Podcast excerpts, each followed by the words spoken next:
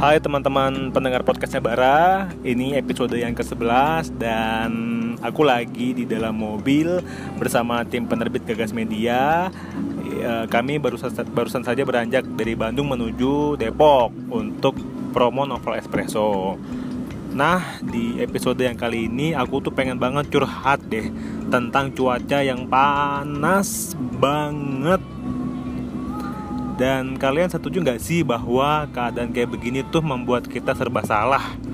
Pengen keluar jalan-jalan salah, pengen nongkrong salah, pengen baju ini, pengen pakai baju ini itu pun kayaknya juga serba salah.